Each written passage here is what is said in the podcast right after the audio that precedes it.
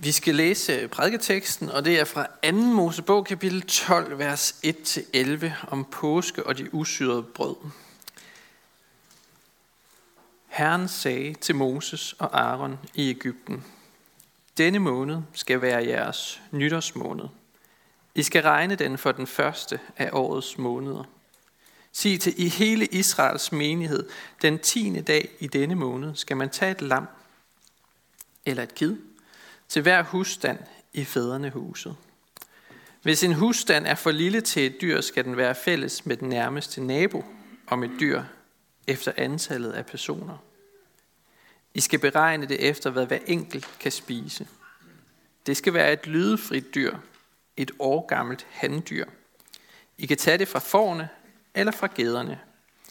I skal tage vare på det til den 14. dag i denne måned så skal hele Israels menighed slagte det, lige inden mørket falder på.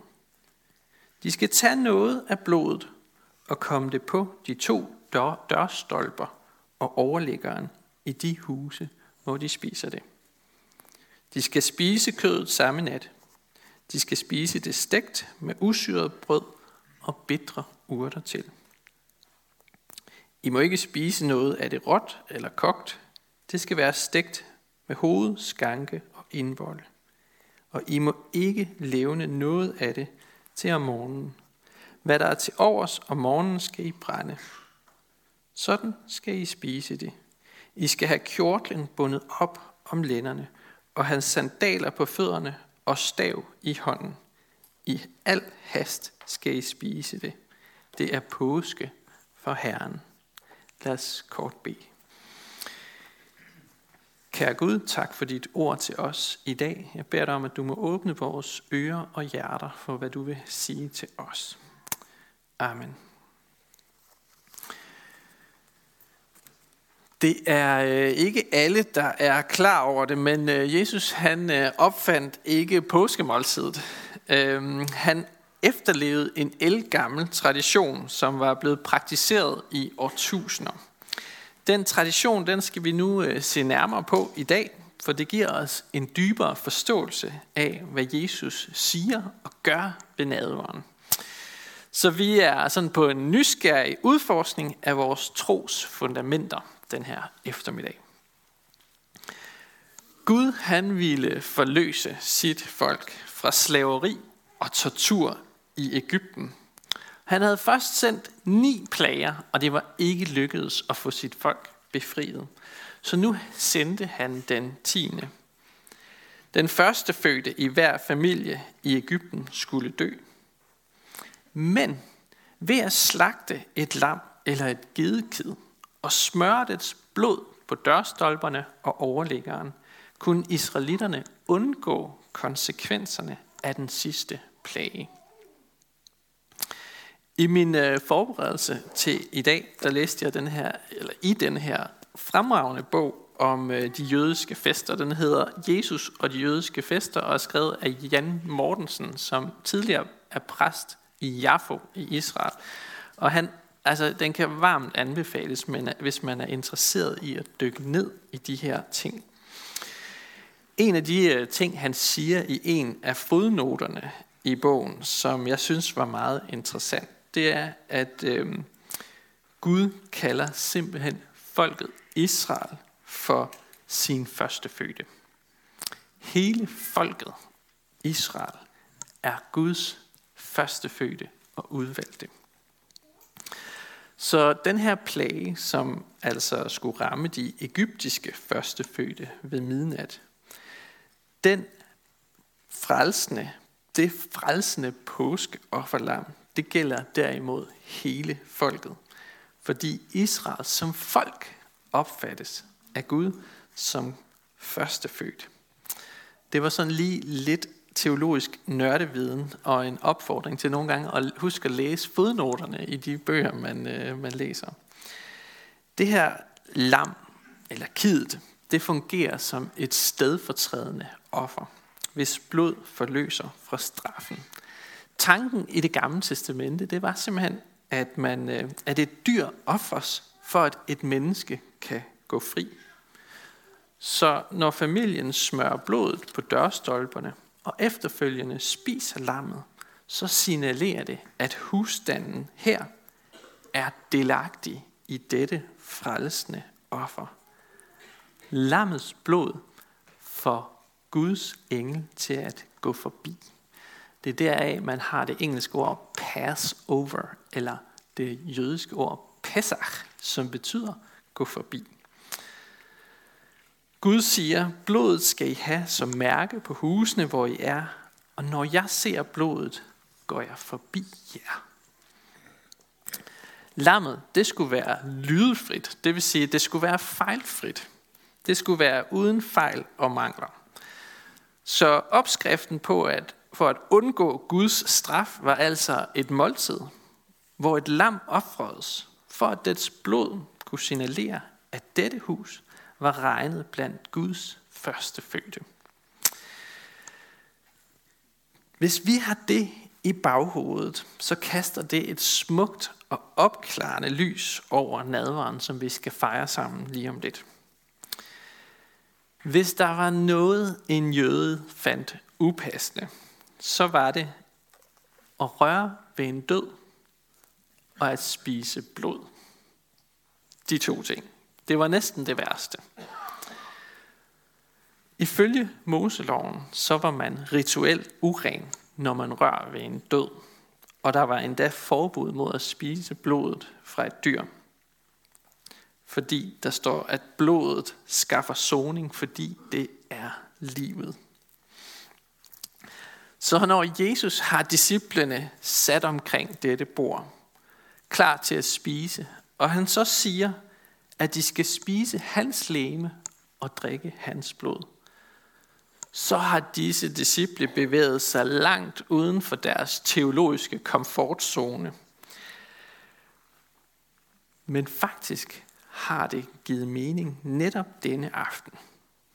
For denne aften der er historien, som vi lige har læst sammen, blevet læst op. Om lammet, der skulle slagtes, så man kunne smøre dets blod på dørstolperne, så dødsenglen kunne gå forbi og skåne den første fødte. Så blodet dengang frelste, og nu vil det frelse igen, men på en ny og mere fundamental måde. Det Jesus han prøver at øh, forklare sine disciple her omkring bordet, er, at nu offres der et nyt og større lam. Et lam, der skal ofres en gang for alle. Gud sendte sin førstefødte søn, for at han kunne leve et lydfrit og fejlfrit liv. Ved hans blod blev vi renset. Han slagtes som det endegyldige offerlam. Han lod sit blod flyde, for at vi kunne gå fri fra straf. Det var en engangshandling. Det skal aldrig gentages igen. Det endelige offer er givet, og soningen opnået.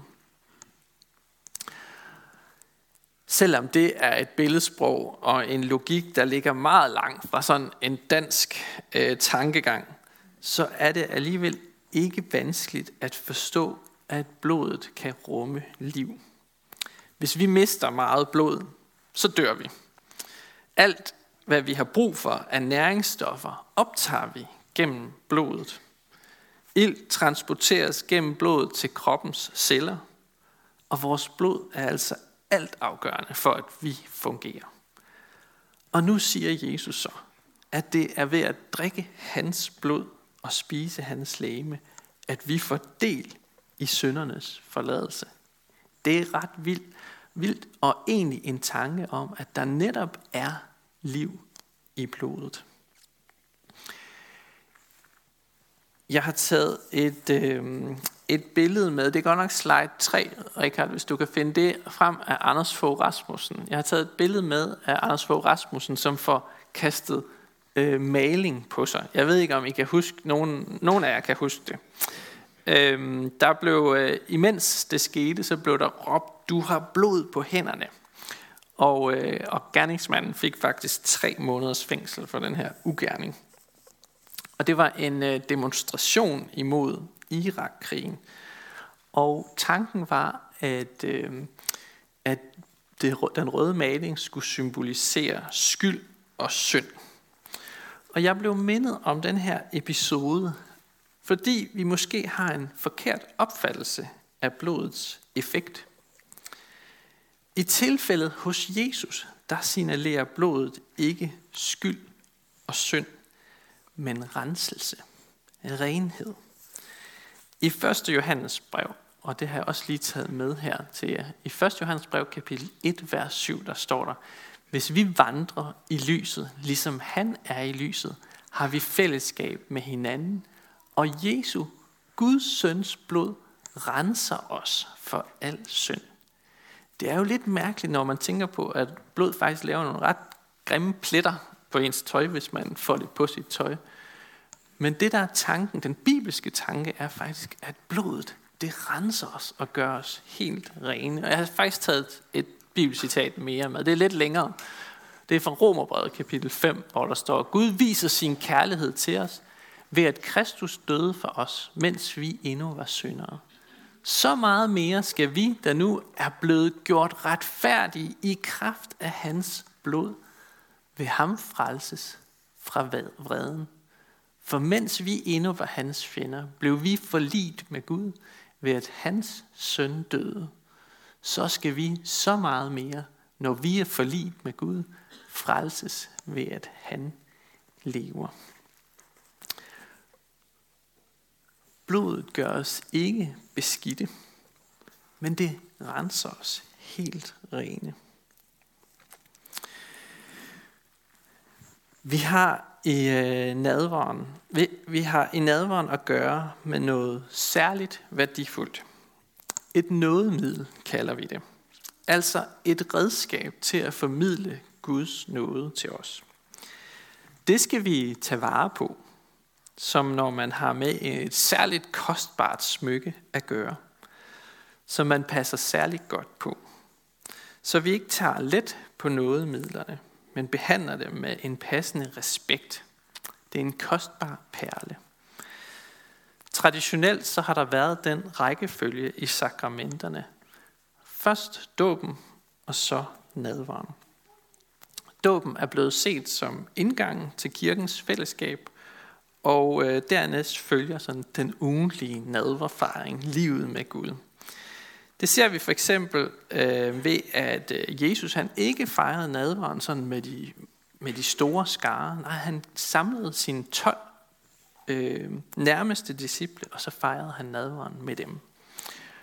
Og øh, da disciplene øh, efter Jesu opstandelse begynder at mødes, så øh, mødes, så står der, at brødrene brød brødet hjemme og spiste sammen. Det var altså et måltid for brødrene og søstrene i menigheden. I kirkens tidlige historie var det sådan, at man som ny i troen gennemgik øh, dåbsoplæring, og efter en oplæringstid, så blev man øh, døbt, og, øh, og derefter, først derefter fik man, gik man til alders for første gang. Det viser jo noget om, at man i kirkens historie har værnet om det her måltid som noget vigtigt, noget meget værdifuldt. Palmesøndag, der havde vi besøg af rigtig mange gæster her i øh, menigheden.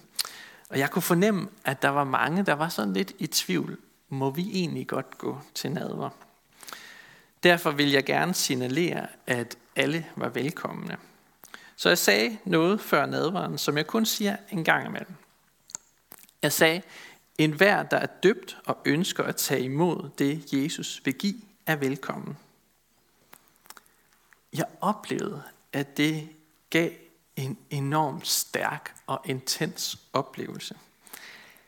Her kunne mange konkret give udtryk for at ville have Jesus i sit liv. Og rigtig mange gjorde det. Det er jeg dybt taknemmelig for. Det var en stor oplevelse. Men min formulering kunne faktisk også høres som en afvisning af den, som ikke er døbt. Det var ikke min intention. Jeg skal ikke gøre mig til dommer over, hvem der har ret til at gå til nadver, for jeg kender ikke hjerterne.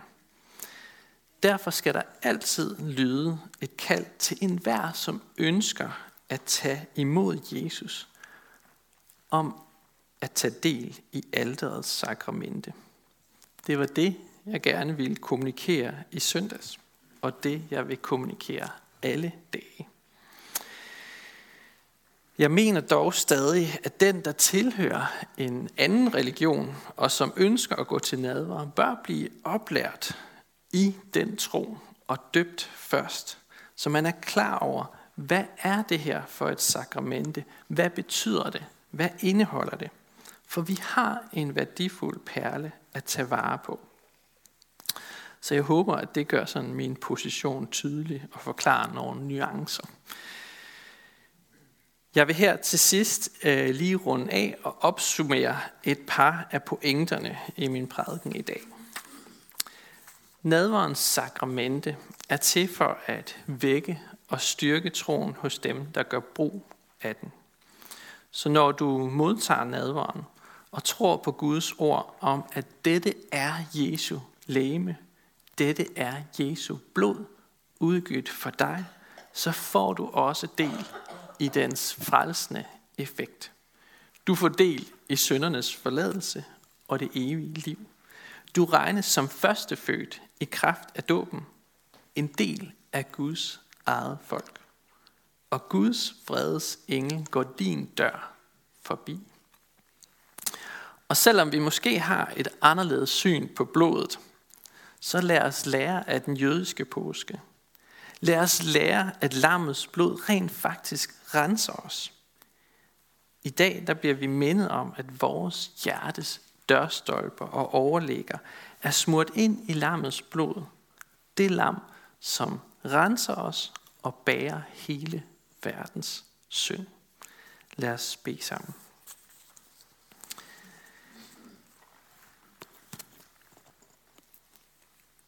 Vi takker dig, Jesus, for nadverens sakramente. Vi beder dig, bevar dette måltid rent og purt i menigheden, så vi kan vække og styrke, så den kan vække og styrke troen i os. Jeg beder dig for enhver, som ønsker at tage imod dig, om at føle sig velkommen ved alderet. Vi takker dig for menigheden og beder dig styrke os i indbyrdes kærlighed og udruste os med nådegaver til fælles gavn og opbyggelse. Og lær os at række ud over egne behov. Vi beder dig for menighedens børn, både de fødte og de ufødte. Beskyt du dem og lad dem få lov til at vokse op i troen på dig. Vi beder dig for menighedens konfirmander og unge, for deres liv og vækst i troen. Vi beder dig for ægteskabet og dem, der lever alene. Giv os din kraft til at leve efter din vilje. Vi beder for Skjern by og omegn, at du, Jesus, må blive kendt, troet, elsket og efterfulgt. Vi beder for Niels Jørgen Fogh, menighedens vejleder, at du må styrke ham i hans arbejde og holde os alle fast på Bibelens grund. Vi beder dig om, at du vil være nær hos alle, der er ramt af sorg, sygdom og lidelse. Giv os mod til at være til stede og visdom til at lindre smerten hos hinanden. Hør os, når vi i stilhed hver især beder for en, vi kender.